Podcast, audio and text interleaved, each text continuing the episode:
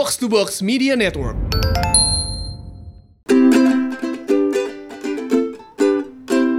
Mencoba minimalis.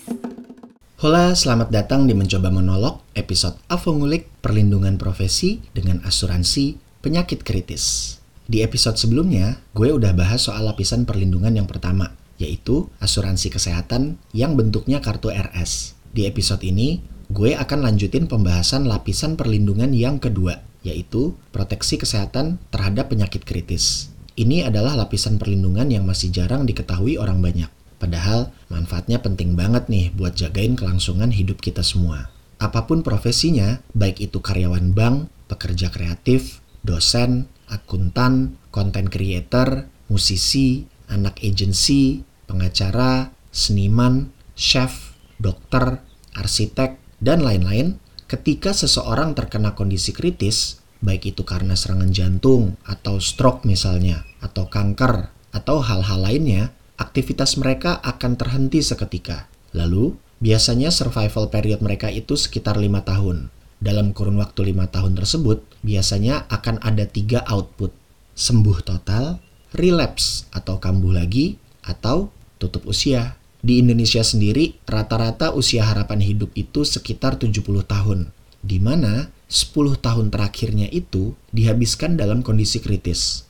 Dengan fakta ini, Tentunya kita nggak mau ya ketika pensiun nanti dalam kondisi nggak sehat yang bisa memberatkan keluarga kita secara finansial. Kalau diibaratkan dengan gunung es di laut, kita sering menganggap bahwa perawatan rumah sakit sebagai satu-satunya biaya yang terlihat. Padahal, seperti halnya gunung es, banyak biaya-biaya lain di bawah permukaan yang nggak kelihatan, yang jumlahnya itu bisa sangat besar. Contohnya nih, pengobatan alternatif, akomodasi selama proses pengobatan, gaji perawat dan supir, nutrisi atau vitamin, dan pengobatan herbal, tagihan atau cicilan hutang, dan banyak lagi. Biaya-biaya inilah yang bisa menggerus taraf hidup dan ekonomi keluarga. Dalam kondisi kritis, seseorang tuh akan cenderung kehilangan kemampuannya untuk bekerja produktif dan menghasilkan income.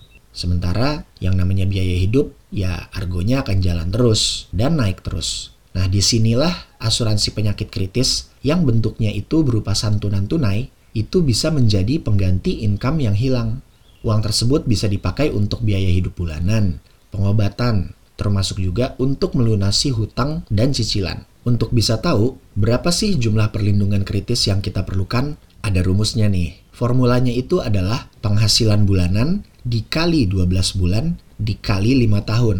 5 tahun ini adalah survival periodnya ya guys. Contoh, kalau ada seseorang yang penghasilannya misalnya 5 juta per bulan, berarti jumlah minimum ideal perlindungan kritis yang dia perlukan adalah 5 juta dikali 12 bulan dikali 5 tahun. Hasilnya itu sekitar 300 juta. Nah, pertanyaannya, harus berapa lama kita nyiapin budget segitu? Well, sebetulnya Temins nggak perlu Sparta sampai brutal banget ya, sampai bisa ngumpulin 300 juta. Temins cukup sisihkan aja sebagian kecil dari penghasilan untuk bisa dapetin perlindungan kritis sebesar 300 juta tersebut.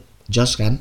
Ada beberapa hal yang harus diperhatikan saat Temins mau buka polis perlindungan kritis. Pertama, ada masa tunggu selama 90 hari atau 3 bulan sebelum polisnya berlaku dan aktif. Jadi misalnya ada orang yang buka polis perlindungan kritis nih, jumlahnya misalnya 1 miliar. Dia bukanya di bulan Januari ceritanya. Lalu ketika di bulan April dia terkena kondisi kritis nih. Nah, pihak asuransi itu akan mencairkan santunan tunai tersebut sebesar 1 miliar. Jika kondisi kritisnya terjadi dalam kurun waktu kurang dari 90 hari, maka santunan tunainya nggak akan bisa cair guys. Jadi, Temins bisa lebih aware ya soal masa tunggu ini dan bisa segera buka polis sedini mungkin. Hal kedua yang harus diperhatikan adalah jenis produk asuransi penyakit kritis dan daftar detail penyakit yang masuk kategori kritis. Produk asuransi penyakit kritis itu ada yang santunannya udah bisa cair pada saat early stage atau tahap awal dari penyakit kritis. Dan ada juga yang santunannya baru bisa cair ketika statusnya itu stadium lanjutan atau akhir. Selain itu, detail kondisi-kondisi apa aja yang masuk kategori kritis juga wajib Temins perhatikan.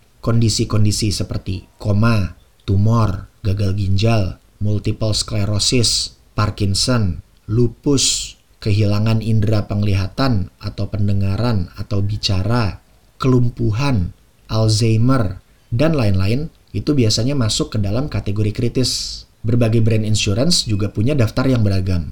Ada yang sekitar 60-an kondisi kritis. Ada pula yang sampai 100.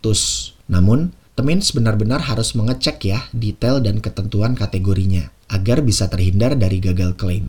Selain itu, untuk beberapa brand insurance, santunan kritis ini juga bisa berfungsi sebagai uang pertanggungan jiwa. Misalnya, ketika ada seseorang yang meninggal tanpa melewati salah satu dari kondisi kritis tersebut, maka santunan kritisnya akan langsung auto converted menjadi UP jiwa yang bisa digunakan sebagai warisan bagi keluarga yang ditinggalkan. Jadi, fitur perlindungan ini juga memberikan manfaat tambahan yang jos ya Sekedar share, saat ini polis penyakit kritis gue itu jumlah perlindungannya sekitar 500 juta dengan masa perlindungan sampai usia gue 55 tahun.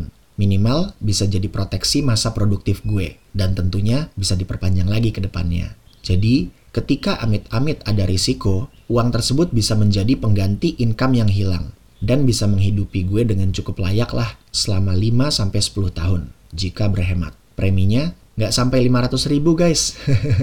nah ya mau tengap kan? Asuransi penyakit kritis bisa banget jadi tameng untuk segala profesi, baik itu karyawan, self-employee, sampai pengusaha. Dengan menyisihkan sebagian kecil dari income, kita bisa memitigasi resiko dan nggak akan membuat keluarga kita menanggung beban finansial. Itu tadi penjelasan soal lapisan perlindungan yang kedua, yaitu asuransi penyakit kritis. Semoga bisa jadi asupan yang jos ya buat teman-teman, terutama yang profesinya rawan terhadap resiko-resiko. Gue akan lengkapin penjelasan soal lapisan perlindungan yang terakhir di episode selanjutnya ya. Sehat-sehat ya guys. Avo Chaps. Mencoba minimalis.